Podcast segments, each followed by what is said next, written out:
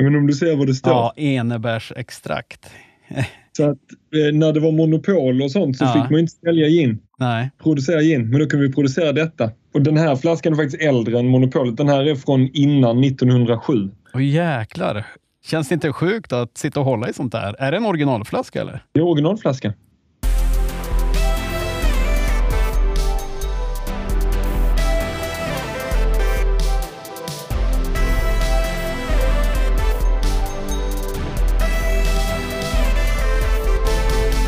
Du lyssnar på Gin-podden, Sveriges första och största renodlade podd om gin. Jag heter Joakim Lundin och med mig här idag har jag Ludvig Lipe från Saturnus. Varmt välkommen Ludvig! Tack så mycket. Tack. Det här känns faktiskt lite extra kul för vi sitter och spelar in via Teams idag, jag och Ludvig. Och eh, det gör att man får lite mer närhet faktiskt när man intervjuar. Jag hoppas att ni ska märka det, ni som lyssnar också. Ja, ja det är mysigt. ja, det är det. Och, eh, ni ser ju inte oss och ni vet ju inte vad vi håller på att visa och skratta och göra för grimaser här. Men eh, det var kul för alldeles nyss så visade du faktiskt mig två stycken flaskor. Vi kommer säkert prata mer om dem sen.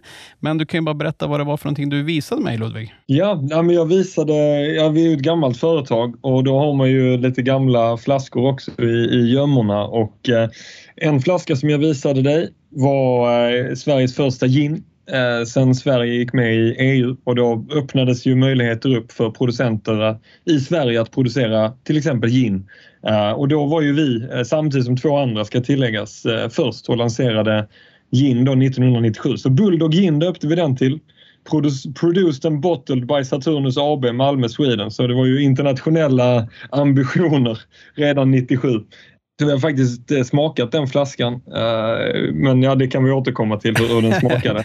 Ja, Eh, den bra. andra flaskan jag visade var något som heter enbärsextrakt. Och det var ju, vi sålde mycket till apotek när, i början av vår 130-åriga historia. Så det var en flaska som är producerad innan 1907 med enbärsextrakt. Och att jag vet att det är innan 1907 är ju att utöver din information så hade man ju givetvis en bild på kungen på etiketten. Och just den här kungen dog där 1907 så det är så jag vet att det var i alla fall innan, innan det. Men så det är häftigt. Vi har en lång historia och som tur är några produkter kvar. Ja, jag är jätteglad att få snacka med dig, för när man pratar om svensk gin och det svenska ginundret så finns det ju många destillerier, men det finns ju inga som är i närheten av att ha så lång histori- historik som eh, ni har. Ja, imponerande. Nu kör vi igång. Går igenom historien och ger er en riktig historielektion skulle jag säga idag. Eller vad säger du Lud- Ludvig? Det blir väl en liten historielektion ändå? Ja, så blir det. Dåtid, nutid och framtid ska vi väl försöka klämma in. Så att, eh, absolut. Ja, det gillar vi. Men eh, Saturnus, vad är, vad är det för företag? Alltså idag kan man ju säga att vi är ett, eh, ett dryckesföretag. Eh, Vi har ju lite olika ben som vi står på men i grund och botten så tillverkar vi och, och säljer eh, olika drycker. Eh, Fokuset är glögg och snaps som är våra stora produkter. Eh, och eh, vår filosofi är ju att hantverket eh, ska stå högt på agendan. Och det har det alltid gjort och, och kommer alltid att göra. Eh, vi har ju andra ben då som är att vi säljer dryck, så vi importerar och säljer tonic till exempel. Så Britvic Tonic är, vi som säljer i Sverige. Eh, och det tredje som vi står på är då att vi producerar åt, åt andra företag. Eh, så kan man ringa oss om, om man ska producera glögg till exempel. Och så Är det det som göra. kallas eh, typ licensproduktion eller? Vad, vad, Ja, precis. Lego-tillverkning, co-packing, eh, hur man nu kallar det. Jajamän. Så, så har de, de tre benen. Eh, och eh, om man ser mer till bolagets struktur så är vi ett familjeföretag i femte generationen. Där jag eh, tillsammans med min bror då utgör den här femte generationen helt enkelt. Så 2025 har vår far Edvard bestämt sig för att då ska han sluta jobba. Sen om det är första januari eller sista, januari, sista december, det vet vi inte. Eh, Men eh, så då kommer vi driva bolaget. Eh, Så företaget har ju varit i vår familj sedan 1920 och grundades 1893. Så det är väl ungefär vad Saturnus är. Vi är gamla och vi håller på med dryck. Eh, Men vi, vårt sätt att överleva 130 år är väl att vi alltid har anpassat oss efter eh, den verkligheten som har gällt eh, där och då. Vi har ju trots allt klarat världskrig och oljekriser och ja, nu senast pandemi och, och vi ska nog klara framtida kriser också. Ja, det får vi verkligen hoppas. Men hur, hur kommer det sig att man vill liksom hoppa på det här? Är det något, eh, man, man föds in i det här liksom som en kunglighet eller hur, hur funkar det? Nej, men alltså... Ja, men det, var det, det självklart för dig att du skulle hoppa på det här? Nej, alltså det var det ju inte. Och, och jag... Eh, Eh, ja, det är klart.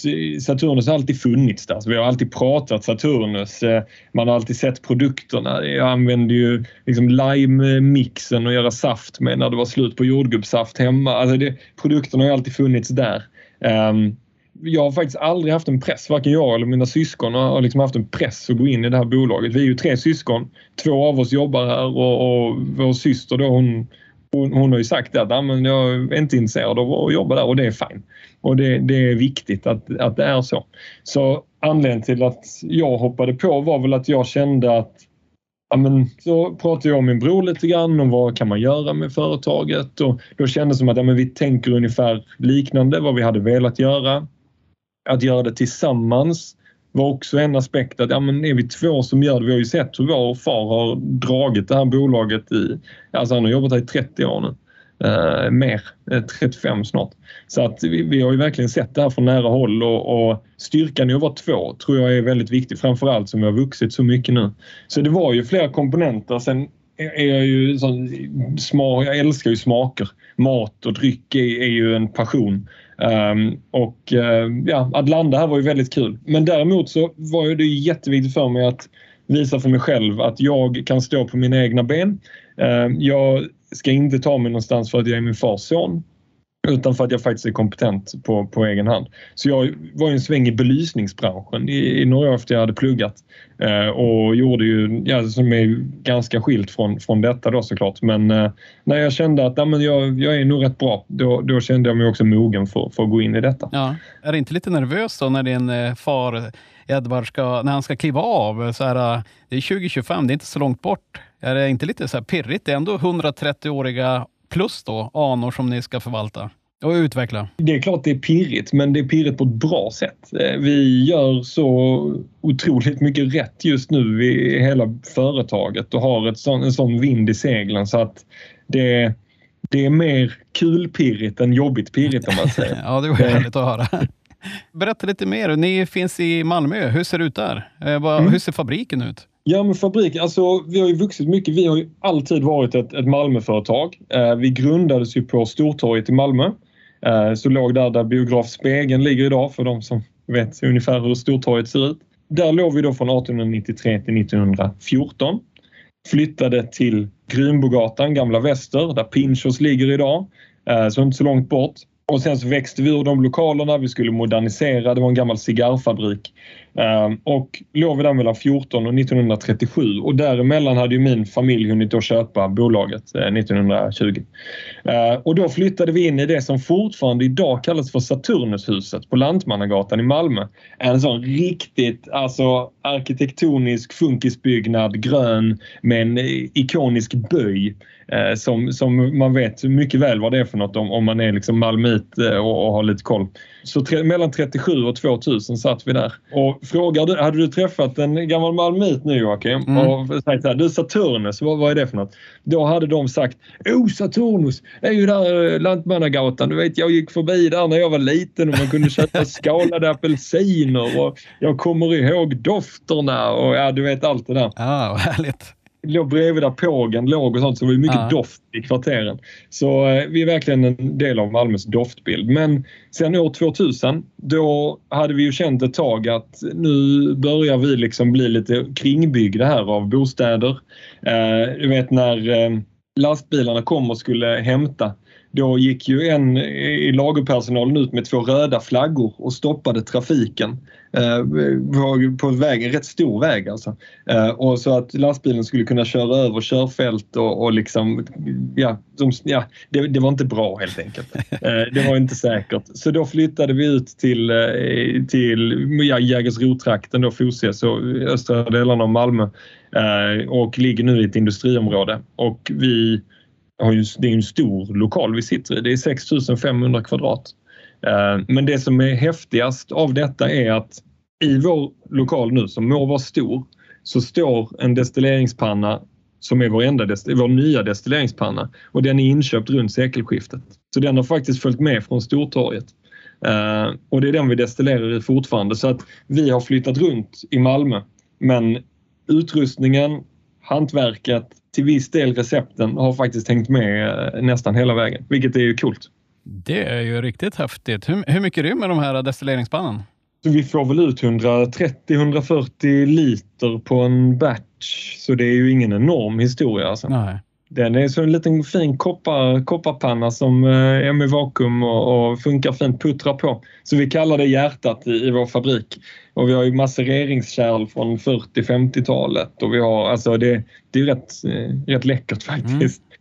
Vi var nära på att köpa ny destilleringspanna nu nyligen men kände att nej, alltså det, det är för mycket hjärta i den här som vi har så det, den, nej, vi, vi har kvar den ett tag till.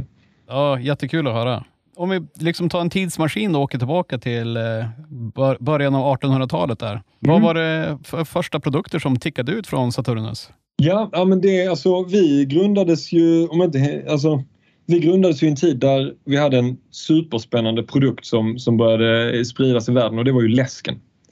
Uh, och det var ju en inspiration till, till vad Saturnus liksom vad det drog igång. Det var en apotekare som hette Fritz Borg som drog igång detta då. För han såg ju liksom att essenser och, och hela den biten det, det, fanns något att göra där. Han hade sett detta på kontinenten så han var en av de första i Norden som liksom drog igång det här i någon vidare skala.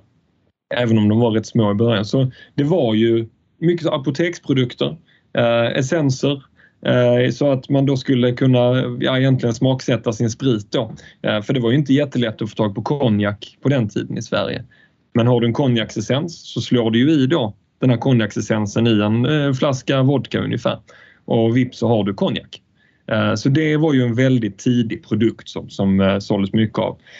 Och de här med läsken då, kopplingen där blir att smaksättning till läskproduktion men även en produkt som då glögg så glögg har vi faktiskt producerat från starten så den har ju hängt med hela vägen. Och olika destiller, alltså destillerade produkter, alltså kryddat brännvin och så som har hängt med från starten. Så det var kärnan. Och då kan man ju titta på, jag nämnde ju innan vad, vad kärnan är idag och det är ju faktiskt fortfarande glögg och kryddat brännvin som är Saturnus kärna. Eh, och vi har drinkmixers vilket man skulle kunna likna vid en essens. Ja, så att, ja ligger faktiskt ganska nära. Man kan säga att vi har fixat svenskarnas hemmafest sedan 1893. ja, det är, det är någonting att skryta med ändå tycker jag. Men ja. om jag har förstått det rätt på dig också så är Saturnus ett av Malmös äldsta AB, eller? Mm, ja men det stämmer. Alltså pri privatägda aktiebolag så finns det inget som är äldre. För jag tror det var när vi firade 100 år eller vad det var så, så eh, var det min far som hade kontakt med någon på Bolagsverket eller vad det var som tyckte att det här var lite kul. Så de grävde och eh, kom fram till att eh, det finns ju äldre aktiebolag i Malmö men de är på börsen i så fall. Så privatägt så är det faktiskt Saturnus som är äldst. Så 1905 blev vi aktiebolag de är ju i, i alltså organisationsnumren är ju i ordning, sifferordning. Så det var rätt lätt att, att kolla upp. Ja, ja, superhäftigt. Ja, roligt att höra. Och ja. eh, sen så tog ni över runt 1920, eller? Stämmer. Och det var då, i samband med monopolet då, eller hur? Precis, och, så det var ju lite stökigt. Eh, för det är klart, har man, eh, köper man ett företag där och så i den vevan då som har ändå haft kryddat brännvin som en del i det hela och så, så helt plötsligt så får Saturnus inte göra en flaska akvavit och sälja eller en flaska gin eller vad man nu vill göra, en flaska vad som helst. För då instiftades ju tillverkningsmonopol eh, runt 1920 och, och, det innebar egentligen att bara staten, det var ju då Vin och Sprit liksom kom igång. Eh, då var det bara staten som fick producera och i, i förlängningen också sälja, distribuera alkohol i Sverige. Um, och det ändrade ju spelplanen för Saturnus och gjorde ju någonstans att det här med essenser blev ju vår väg framåt.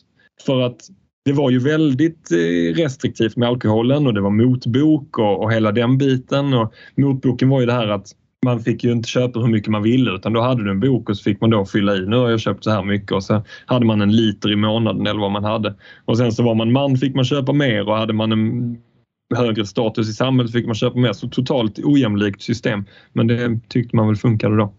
Ehm, och det innebar ju att man brände ganska mycket hemma i stugorna. Det, och eh, det är klart, då behöver man ju essenser Dels för att kanske liksom bara dämpa sin egen eh, hembrända sprit. Vi hade ju en vodka-essens som jag tror var lite mer i det syftet utan att veta exakt. Eh, men även då gin-essens, konjak-essens, whisky-essenser. Eh, alltså vi, har, vi, vi har museum där uppe, vi har gjort en uppsjö i olika smaksättningar. Eh, svensk lösen som jag inte riktigt har fattat vad det, vad det var. Men ehm, ja, så att det, det var vår väg framåt. Och det man kan säga är att eh, 1920 var det en som köpte det då som hette Arvid, som min gammelfarmors far. Och sen så dog han ganska plötsligt 1927. Eh, och då fick hans son eh, ta över som hette Gunnar. Eh, och Gunnar var ju bara 20 och på den tiden var du inte myndig då. Du var myndig först vid 21. Så hans mamma fick skriva till kungen, be honom myndigförklaras och det godkändes. Och sen skaffade han glasögon med fönsterglas så att han skulle se lite myndig ut. Uh, och sen så började han driva Saturnus. Ja. Uh, så funkade det på den tiden. Vilken men fantastisk han, historia.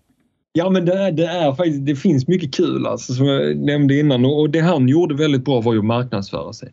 Så att Saturnus än idag i många ögon är en, en essensfabrik är ju till stor del hans förtjänst för att han han, han hade verkligen ett nytt sätt att se på det. Han var mycket i konstsvängen och engagerade eh, skickliga konstnärer i att göra reklamaffischer till oss och olika broschyrer, etiketter. Alltså, han, han lyfte det verkligen, den ikoniska Saturnusflaskan. Det liksom, det var, han var ju med där och gjorde mm. det. Han, eh, jag har hört någon intervju med min gammelfarmor som då var syster till denne Gunnar då, som berättade att han liksom anlitade en cirkus som paraderade på Malmös gator om liksom Saturnus essenser. Och ja, du vet, på väggarna här i hela kontoret har vi ju hans gamla reklamaffischer. Gör slag i saken för den goda smaken var en klassisk slogan eh, på 30-talet. Det låter som att han var ett riktigt så här marknadsföringsgeni tidigt. Det ja. kul att ha. Kul att höra. När man själv eh, jobbar med det så glömmer man bort att det faktiskt finns en väldig historik också. Det mesta ja. är gjort. Ja, så är det. Det är bara att härma och försöka göra det lite bättre än föregångaren. hur kom ni vidare då? För då var det väldigt mycket fokus på essenser, det förstår jag. Men hur, hur länge jobbade ni med det innan världen började förändras och utvecklas igen då? Ja, nej men så, så, alltså essens så gjorde vi ju egentligen under alltså hela 1900-talet, men där man kan säga som blev en väldigt intressant del var ju när eh, man fick börja göra koladryck i Sverige. Eh, så det var ju på 50-talet där. Då, var det, då hade ju Gunnar tyvärr hunnit, eh, han marknadsföringsgeniet, då hade han hunnit gå bort tyvärr, eh, ung.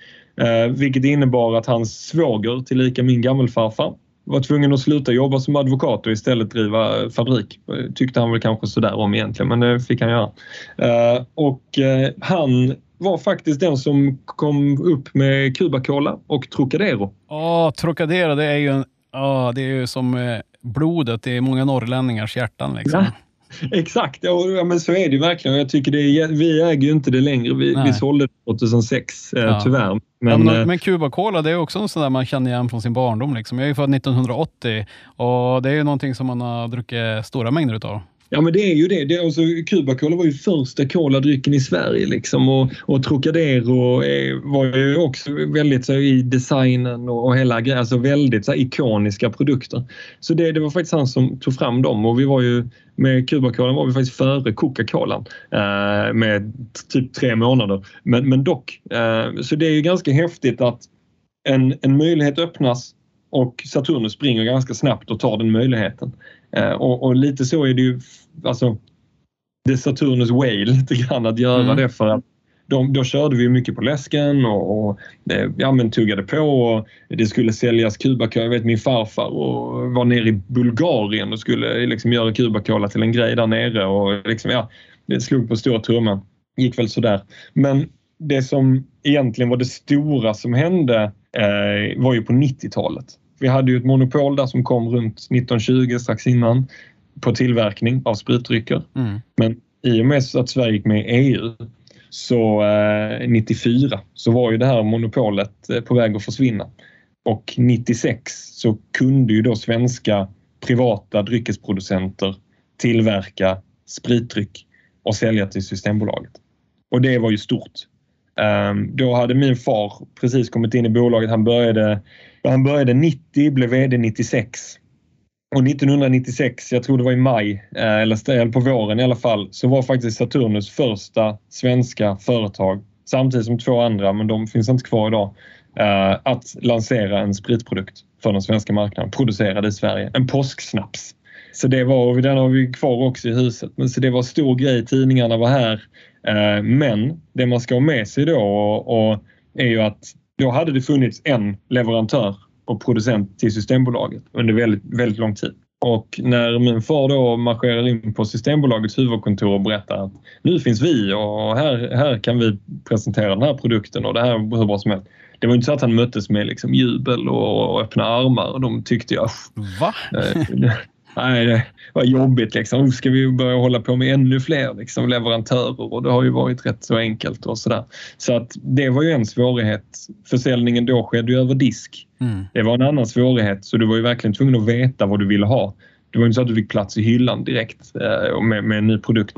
Det fanns ingen Instagram och Facebook att marknadsföra sig på 1996. Så att den hypen som byggdes upp i tidningarna, det skrevs i hela landet om att Saturnus lanserade denna påsksnaps. Den hypen dog ju veckan efter. För det var ju otroligt svårt att nå ut där. Så att vara först eh, är ju kul men det var ju alltså de andra två som lanserade gick ju i konkurs.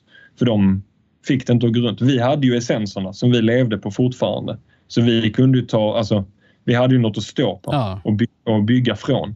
Men de som inte hade det, eh, det, det gick liksom inte. Vad är det som har gjort att ni, om vi bara backar tillbaka lite grann, mm. så eh, du berättade lite grann om att ni har klarat världskrig och pandemi och allt det här. Men vad ser du är liksom framgångsreceptet på hur ni har lyckats hantera omvärlden så bra och kunna vara så snabba i era beslut och er produktutveckling? Vad är det som har legat till bakgrund till det? Är det, är det något i Saturnus DNA? Liksom? Ja, men det är det nu. Alltså, vi är ju väldigt entreprenörsdrivna. Ser vi en möjlighet så, så tar vi den möjligheten. Och, eh, kan vi, liksom, bara det, de här tre benen som vi har, att vi till exempel kan producera dryck åt, åt andra. Ja, men okej, vi har en maskin där vi producerar dryck för oss.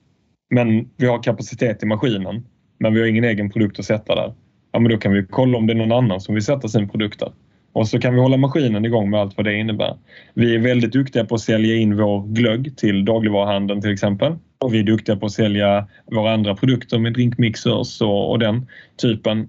I och med att vi är duktiga på det, då kanske vi är duktiga på att sälja in någon annans ja. produkt i dagligvaruhandeln. Det är lite den att försöka tänka lite större. Vad är vi bra på och hur kan vi göra ännu mer av det vi är bra på? Så jag tror att det är en, en väldigt bra väg för oss. Men hur ser det ut idag då? Vad, vad brinner du själv för? Alltså jag, jag bebisarna som jag håller på med nu är ju, med tanke på vad vi sitter i för forum också, så har vi ju lanserat lite gin här. Och det är ju, äh, ja men, det var lite grann det första så projektet som jag har skapat från grunden. Jag började ju på Saturnus för ett och ett halvt år sedan.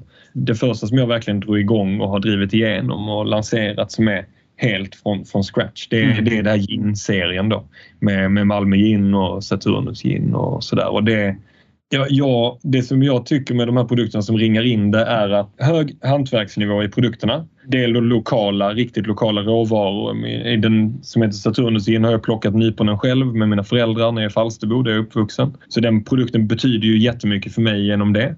I den andra som heter Malmö gin, då var det viktigt att ha något från Malmö. Då har vi japansk majrova från Botildenborg som ligger en kilometer från vårt destilleri. Eh, odlad biodynamiskt där och det, då, då får den en betydelse i själva vätskan. Att, att det är något konkret som faktiskt är mer än, än, en, än en gin. Men sen också att jobba med designen. Med att I våra etiketter har vi liksom bilder på Stortorget där vi grundades 1893. Vi har vår första logga är del av eh, etiketten, vårt fabriksmärke. Precis som vi har en glob. Alltså produkter som betyder mer än, än att det bara är en, en, produkt helt enkelt. Alla kan komma på ett produktnamn men att göra en produkt som betyder något. Eh, sen kanske det bara betyder något för mig men, men, men, men eh, det är väl det som jag känner är viktigt. Liksom, att, eh, ja, men mer än bara vätska i flaska. Liksom. För det, det kan alla göra. Hantverket lever kvar och jag tänker eftersom ni var tidigt ute också med gin, Bulldog gin där. Eh, när släppte ni den? Eh, 97.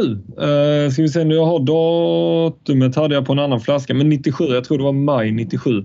Den, en flaska var faktiskt utställd när Spritmuseet hade sin ginutställning nu så hade vi en flaska i montern där. Så den levde ju mellan 97 och 2001 och jag har smakat den. Och det man ska ha med sig lite grann när man dricker en så här gammal gin, det fick jag lära mig av min far att när gin liksom skulle bli stort i Sverige det var väl på om det var 70-talet så var det väl de här Bombay, 70-80-talet så kom de med Bombay och Beefeat och det skulle liksom bli, bli en grej i Sverige. Då eh, lanserades det som en gin-infuserad vodka, eller enbärsinfuserad vodka lite mer. Så man gjorde dem ju ganska milt. Det är därför Bombay är ganska mild till exempel. För mm, att det mm. skulle vara mer åt vodka-hållet. Uh, och det är den här också. Gin, alltså gin-tonerna som vi känner idag känner vi inte igen i, i Bulldog gin Saturnus anno 1997. Eh, mycket citrustoner är det. Så det är, det är verkligen enbär och citrus. Jag sätter 50 spänn på att det inte är så mycket japansk majrova. Det är lätta pengar att spela det bättre kan jag säga. Men eh, om man också funderar lite mer innan vi går in specifikt på produkterna som ni har idag så där. Då är ju en fråga som jag har, det är ju liksom Saturnus relation till gin. Är det Bulldog gin eller finns det något annat som ni har jobbat med kopplat till gin i, i er historia? Ja, alltså gin, vi, alltså gin eh, jag vet inte om vi gjorde gin innan 1920. Eh, jag har inte hittat någon flaska på det. Men kanske gjorde vi det. Gin var ju inte enormt i Sverige då. Liksom, så att det, det, är inte otänkbart att det, det kanske inte var något som vi gjorde. Däremot gjorde vi gin-essens Eh, så. Ehm, och sen var det bulldogginen och så föll den.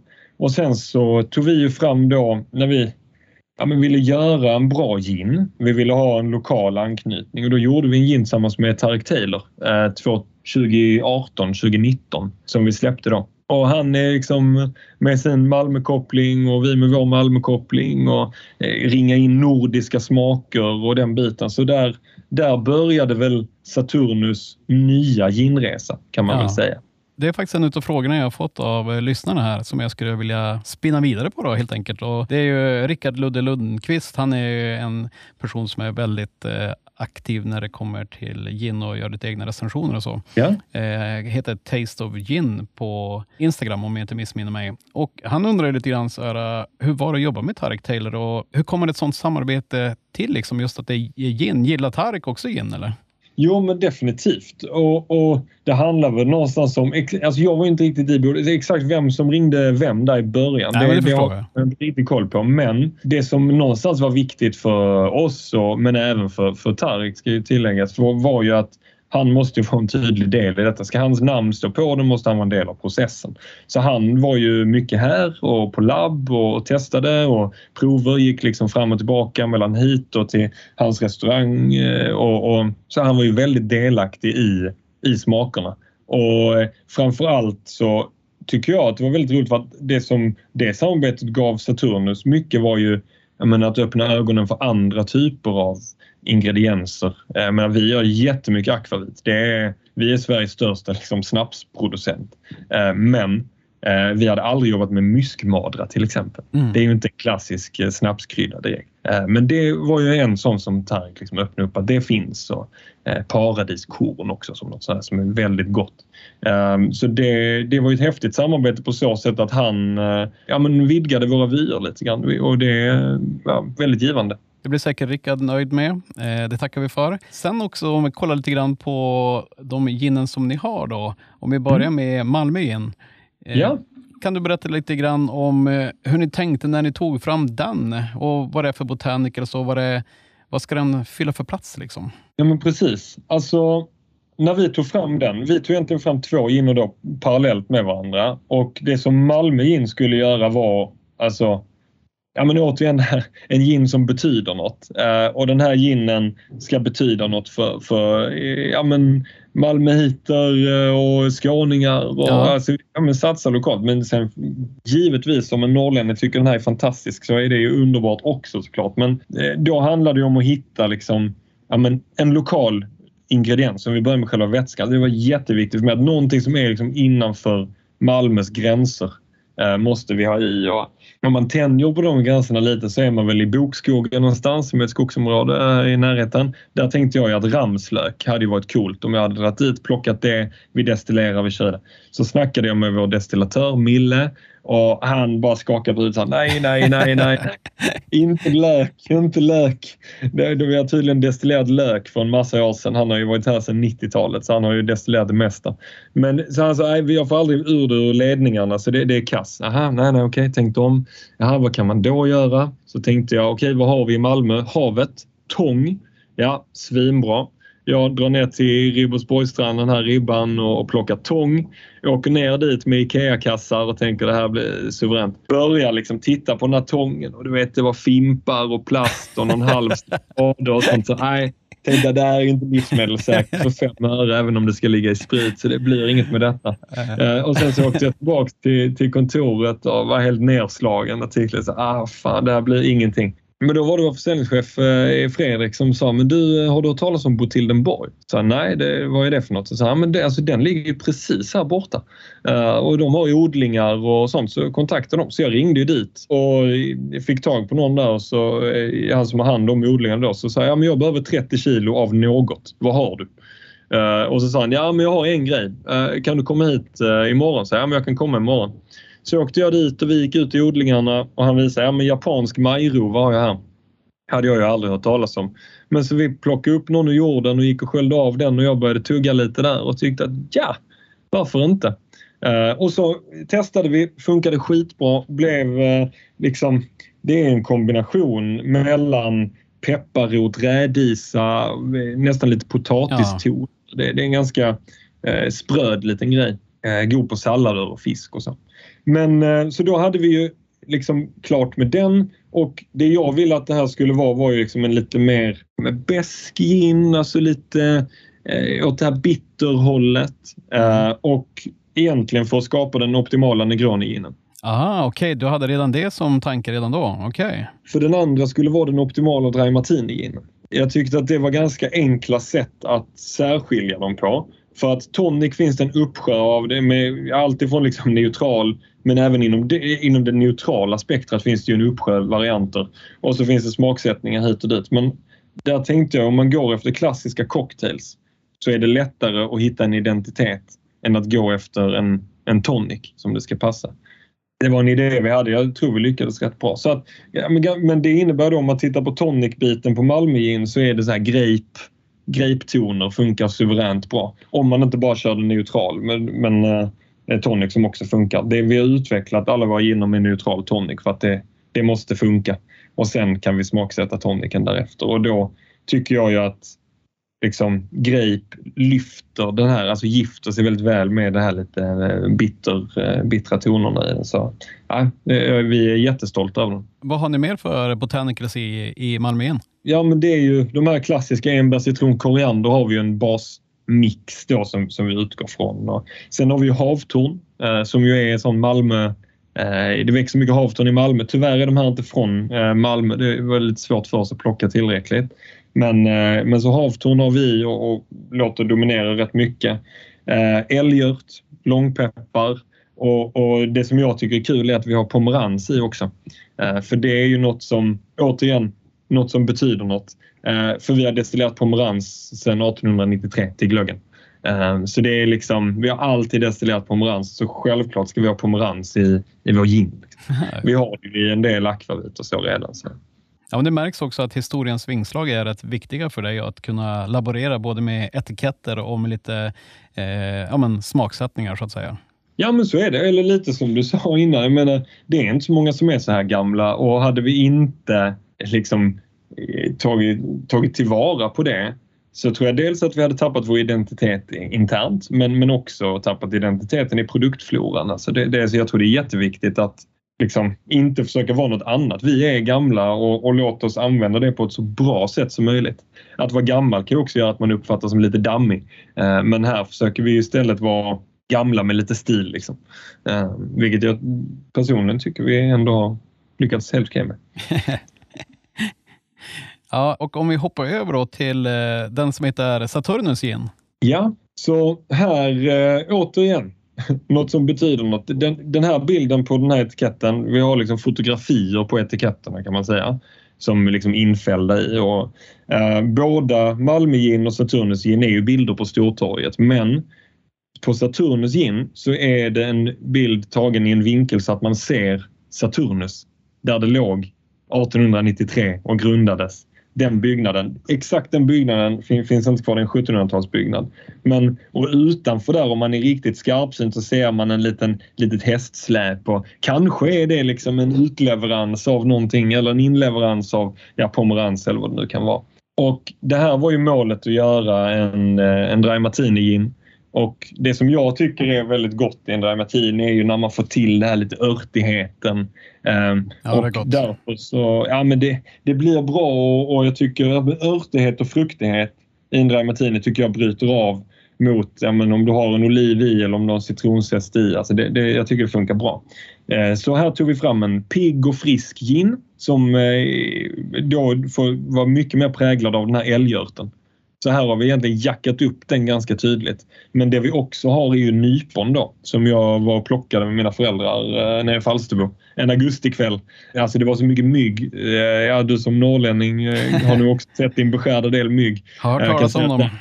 Ja, du har det. Man, framförallt hör man dem. Alltså herregud. Så det var så mycket mygg. Eh, och vi plockade, plockade, plockade. Och så kommer vi då till, till Mille, vår destillatör, dagen efter. Och, och ja, stolta som vi är idag visar vi alla de här eh, nyponen vi har plockat säger att det här är jättebra, nu behöver jag bara lika mycket till. Eh, så att eh, det var ju bara ut igen fast den här gången så stannade min mor hemma och jag och min far tog med oss myggspray. Så att det var bara att köra. Det låter som en härlig familjeutflykt. Ja men det var fint. Det var efter middagen där gick vi ut och i solnedgången. Det var idylliskt. Så att det var en helt okej arbetsplats den kvällen. Men är det något mer du vill skicka med just om den här eh, Saturnusin? Jag tycker att flaskan är väldigt snygg. Jag gillar hur eh, den här etiketten när eh, Saturnus-loggan, hur den är frammålad i någon pastellgrön färg. Jag tycker den är skitsnygg. Ja, ja men vi, alltså, vi är nöjda också just att eh, ha en Saturnus-glob då i ett streck. Den är ju dragen i ett streck. Alltså, vi har haft många globar genom åren eh, men eh, vi har aldrig haft den dragen i ett streck på det här sättet. Så det är Eh, nu är vi nere på enormt nörderi här med Saturnusglobans utformning men eh, om man ändå kan tillåta sig vara det så alltså det är, det är en riktigt fin glob. Är det. Um, och också ja, men ge det här liten modern touch att vi även en glob kan man göra på så många sätt vilket vi ju äh, visar här. Då. Tack för den. Om man tittar vidare då, ni har ju mer grejer än gin också har jag hört rykten om. Ja. Eller vad säger ja, du? Ja, jo, det finns en jäkla massa grejer. Men, eh, nej, men så, så gin eh, gör vi lite grann. Men det som vi är stora på är, är ju liksom snaps, akvavit. Eh, ja. Där nu, alltså, skärgårdssnapsar som är 10-pack som finns på eh, med 5 centiliter snapsar då, som finns på nästan alla systembolag i hela landet. Och det är ju en gammal produkt, alltså den har vi haft, jag tror det är sedan 90-talet. Piratens Bäsk firar 25 år i år. Eh, också en riktigt fin produkt med malört från Västra Strö utanför Eslöv. De har en stor skylt på ladan där det står här eh, plockas eh, kryddor till Saturnus brännvin eller här plockas malört till Saturnus brännvin. Och vi har Ute som är en eh, citronfläder, eller fläder citron ska man väl säga, snaps. Salte som är en akvavit med pors. Eh, så kummin, fänkål och pors. Och porsen handplockas av en kille som heter Jonas uppe i Halland. Så att ehm, ja, nej, men så det, det är ju våra, eh, på spritsidan då, våra verkligt stora produkter. Ehm. Vilken är din egen favorit av era produkter? Alltså på snapssidan så tycker jag ju att Saltö Akvavit är eh, fenomenal. Kummin, det är ju liksom det här lite bodyn och så har du fänkål som ger den här friskheten som gör att det blir inte en för tung eh, akvavit. Och sen så porsen den är lite så blommig och så, så det blir som att den liksom, en mjuk kram om den här kumminen och fänkålen liksom binder ihop det. Så att det är den, optima, alltså det är den ultimata akvaviten i, i mina ögon. Um, jag tycker den är fantastisk. Om man tänker då på olika drycker, det finns ju väldigt många olika saker. Du har ju whisky, gin och snaps och allt som vi har hunnit prata om redan här. Men vilken typ av dryck gillar du bäst? Du nämnde ju själv Negroni och Dry Martini. Är det någonting som du uppskattar själv? Eller för, eftersom ni inte har jobbat så mycket med gin tidigare, eh, om man mm. bortser från eh, Bulldog här, eh, så tänker jag det var ju ändå ett uppehåll ganska länge innan ni kom in med Tarek där. Eh, mm. Har det någonting att göra med den här ginboomen eller vad ska man säga? Jag vet inte riktigt vad jag är ute och fiskar efter, men ja, bra fråga Jocke. Vad frågar jag efter egentligen? ja, men alltså, var, varför vi kom in på gin är ju definitivt... Alltså, ja, men jag tänker just eh, ja, men om det har att göra med eh, ni som är unga som kommer in och om det är ert intresse som eh, mer börjar få styra lite grann eller och ni ser att det kommer nya pigga trender eller vad, vad är det som gör att det går ditåt? Liksom? Men alltså jag tror att, att göra en gin eh, med, med lokal förankring eller att göra en gin som liksom är mer eh, alltså Saturnus-produkten än ett samarbete. Så där, det, den diskussionen har ju funnits länge. Eh, sen så tror jag inte riktigt att vi så här, ja men kanske hittade, okej okay, men hur, hur ska vi göra det? Men det var väl det huret som, som eh, eh vi verkligen satte oss ner och, och lyckades klura ut eh, då, ja, men strax efter jag hade börjat där. Men det, det är så här vi ska göra det. Uh, och uh, det är klart, att, att det finns en eh, liksom, gin-grupper på Facebook med 20 000 plus medlemmar och, och liksom ginmässor. Och det är liksom inte bara dryckesmässor, det är ginmässor. Att det finns gör ju att det också finns ett underlag för att lansera den typen av produkt så att den ja, men får leva vidare i hyllan på ett systembolag och, och den biten. Så det är klart att det hjälper. Och sen också att vi har plattformar i sociala medier där vi kan nå ut med våra produkter även om det finns restriktioner där. Så, så är ju den möjligheten en helt annan än vad den var 1997. Så att, ja, jag med det mycket som spelar in till varför, varför vi kör men, men det är klart att det finns en ginboom underlättar ju att, att lansera en gin. Om du skulle servera mig någonting och glöm bort att du vet att jag uppskattar gin, men om du skulle servera mig någonting på en, eh, efter en middag eller något sånt här, en drink. Vad, vilken drink skulle du servera då? Vad är din favoritdrink? Oh, favorit, alltså det är svårt. Jag, alltså, jag, I och med att jag har nämnt Negroni och Dry Martini redan så jag, jag är ju ett stort fan av de två. Men om jag ska ge dig något som är, är lite roligare så, där, så nämnde jag ju Saltö eh, Akvavit innan. Ja, precis.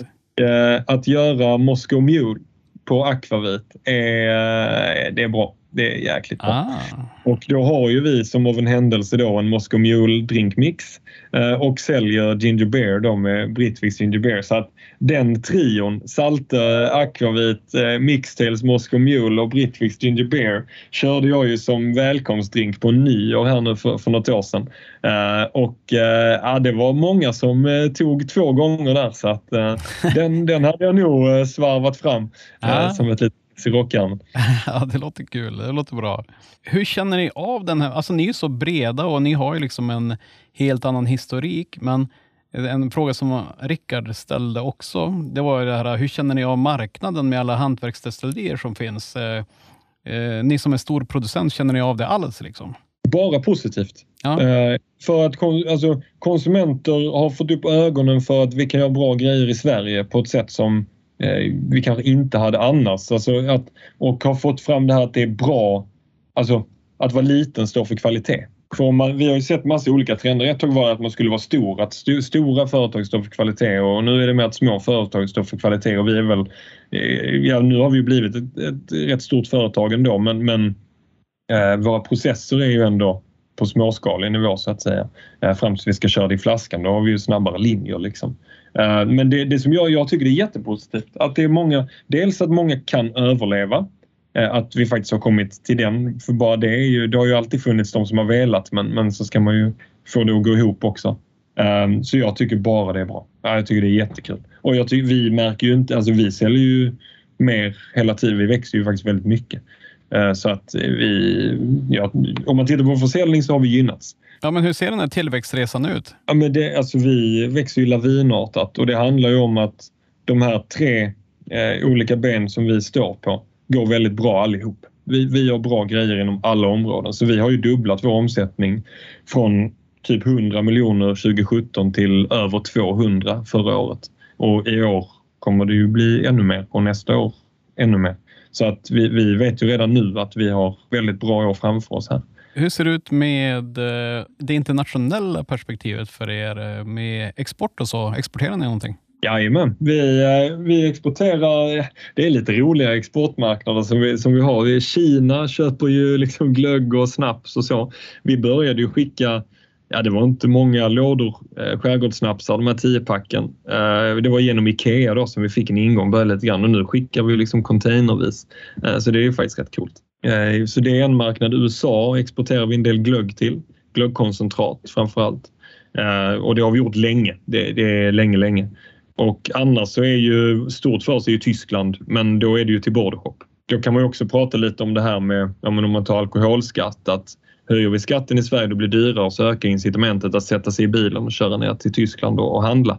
Eh, så det som händer är ju ungefär att vi producerar här i Sverige och sen så sätter vi det på en lastbil och sen så kör den lastbilen ner till Tyskland och bakom den här lastbilen så är det en karavan med svenskar som köper de produkterna och så kör de tillbaka med produkterna till Sverige. Och så pratar vi liksom om det här med hållbarhet och så. Jag tycker att där har vi en diskussion som, som inte får tillräckligt med uppmärksamhet för att vi kan göra hur ekologiska produkter som helst men om vi ska skicka dem fram och tillbaka till Tyskland bara för att det ska vara billigare att köpa dem så ah, då, då har vi kanske missat målet lite grann.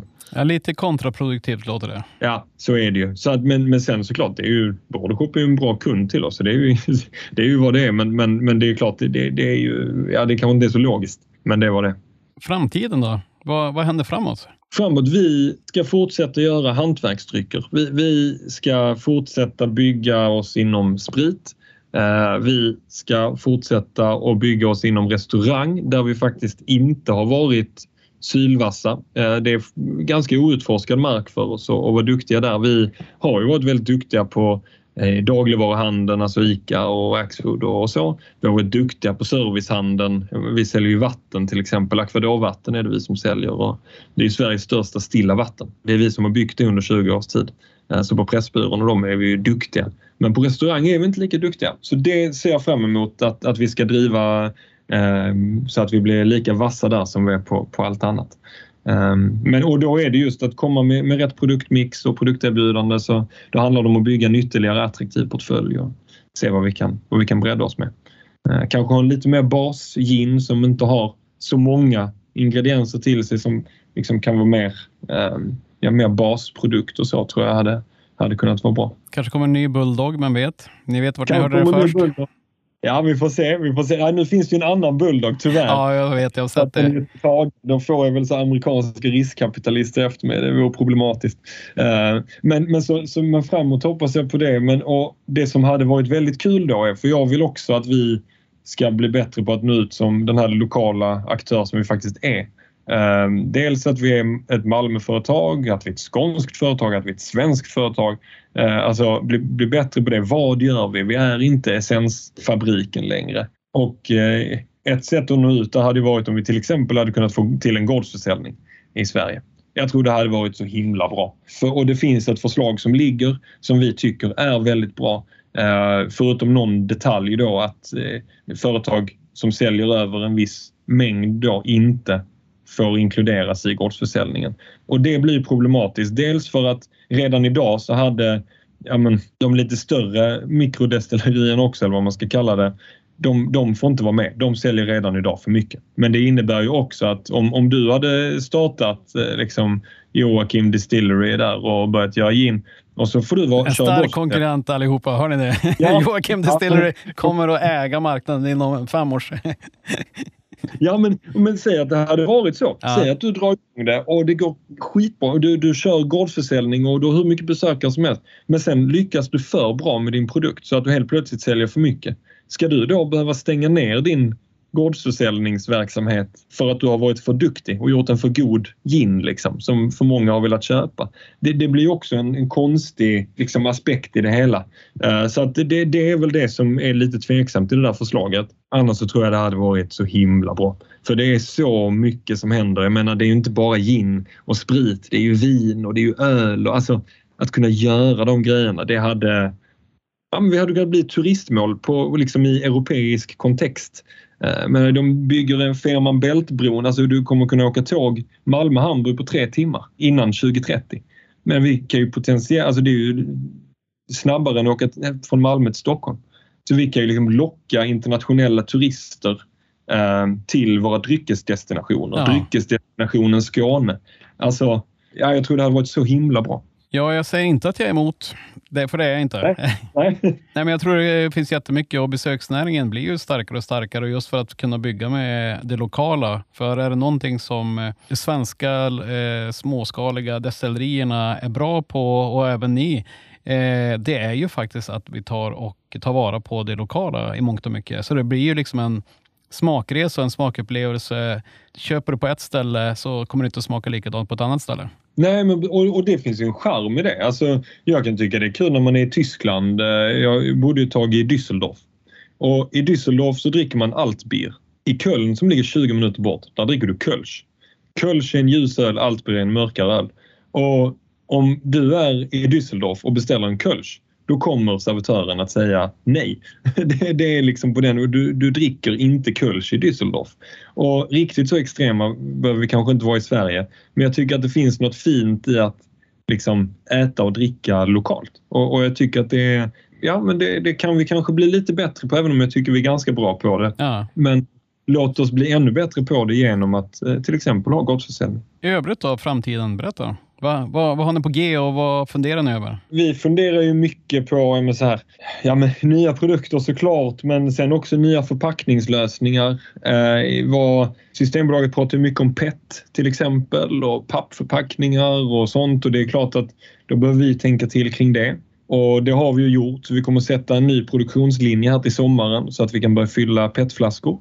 Eh, så det, det, kommer bli riktigt bra för oss. För den möjligheten har vi inte just nu men, men kommer då att ha. Och det öppnar ju upp någonting för oss. Jag menar, då har vi ju bra listningar redan med vår snaps. Eh, kan man hitta bra petflaskor till det och gå över, ja men det är klart då kan vi ju minska med, med transport och hela den biten. På just spritflaskorna så ja, men då transporteras de från Europa. Glöggflaskorna lite annat. Där är det ju svenskproducerade ja. flaskor. Att, Eh, Eh, men så, så förpackningar tittar vi mycket på. Hur ser det ut med besöksnäringen då? Alltså, det, har ni någon besöksverksamhet när man kommer och gör provning och grejer så, hos er?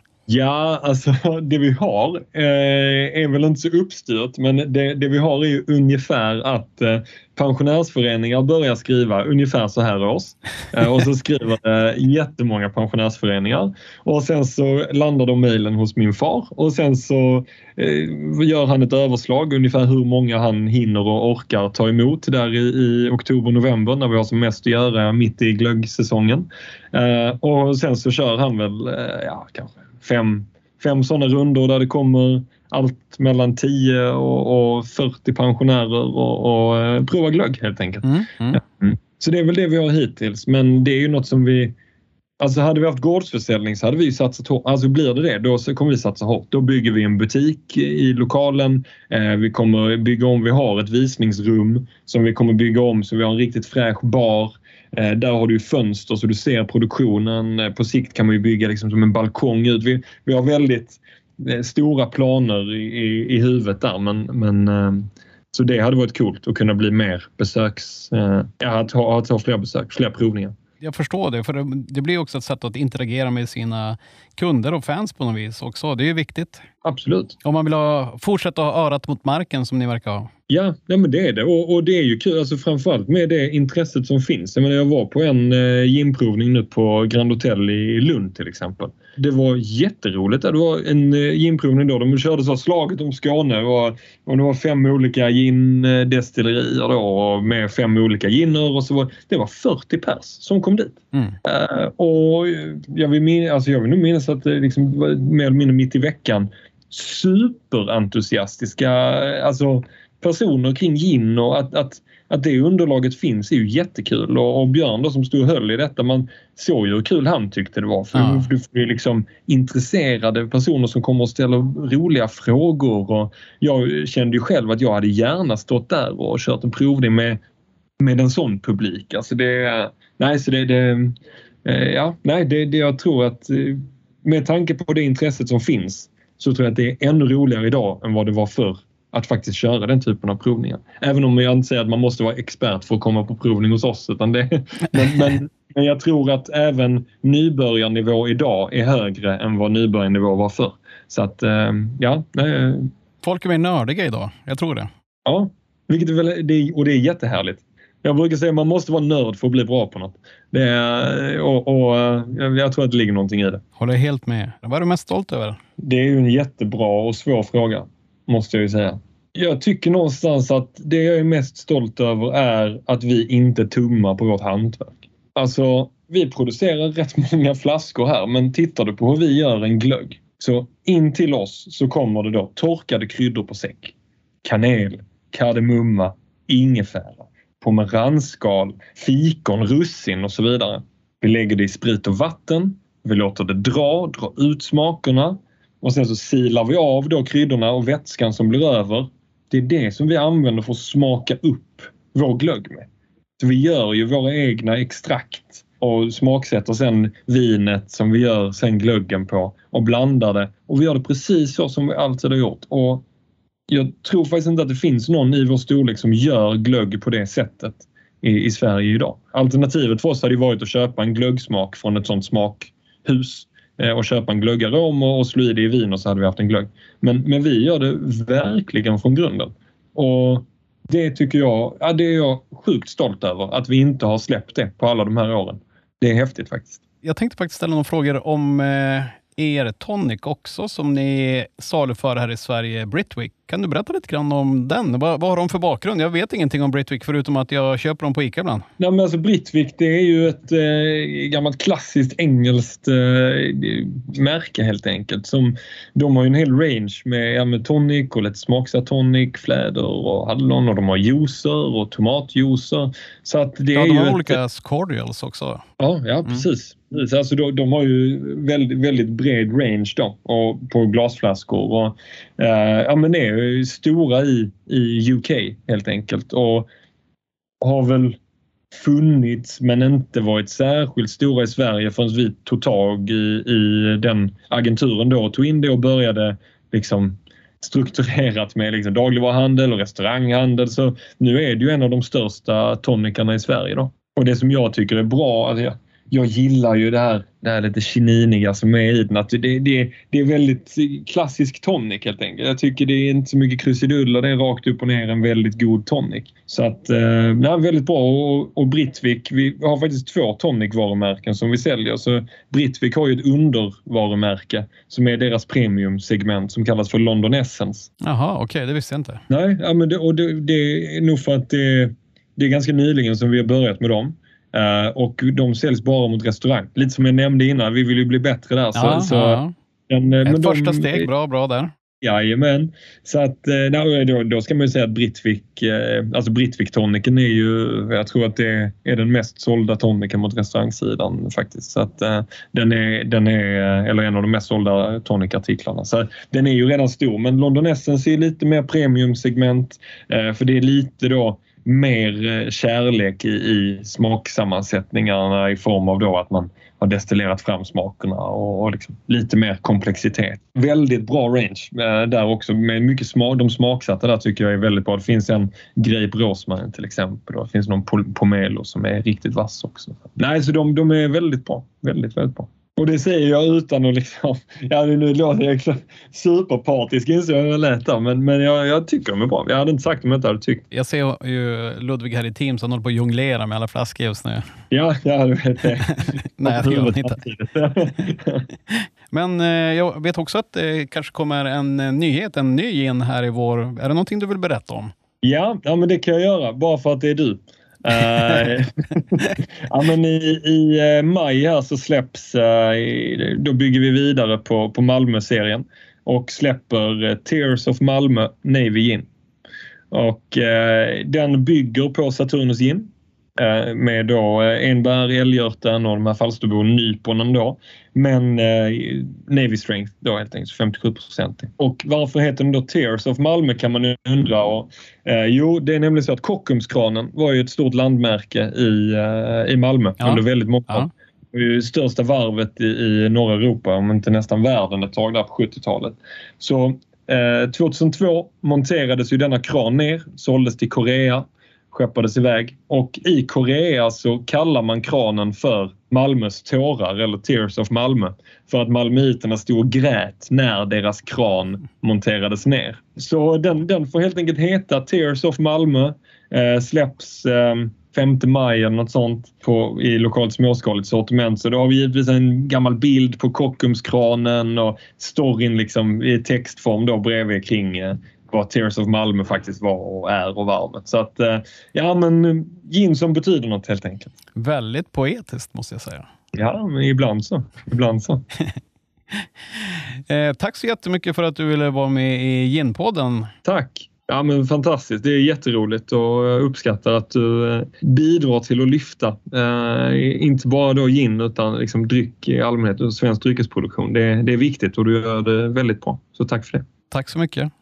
Du har lyssnat på mig, Joakim Lundin och Ginpodden. Jag skulle bli superglad ifall du ville eh, dyka in i någon favoritpoddspelare och så sen så ger du mig någon form av betyg. Bra eller dåligt, det bestämmer du. Givetvis blir jag extra glad om det är bra. Och eh, sen om du har några funderingar eller så, så får du gärna höra av dig med tips och dylikt till ginpodden gmail.com. Och om det är så att du vill ha något samarbete eller vill höra av dig med synpunkter och så vidare, så dra ett mejl till ginpodden gmail.com. Sen får du givetvis följa mig i sociala medier också. Framförallt Instagram. Tack för idag. Hej hej!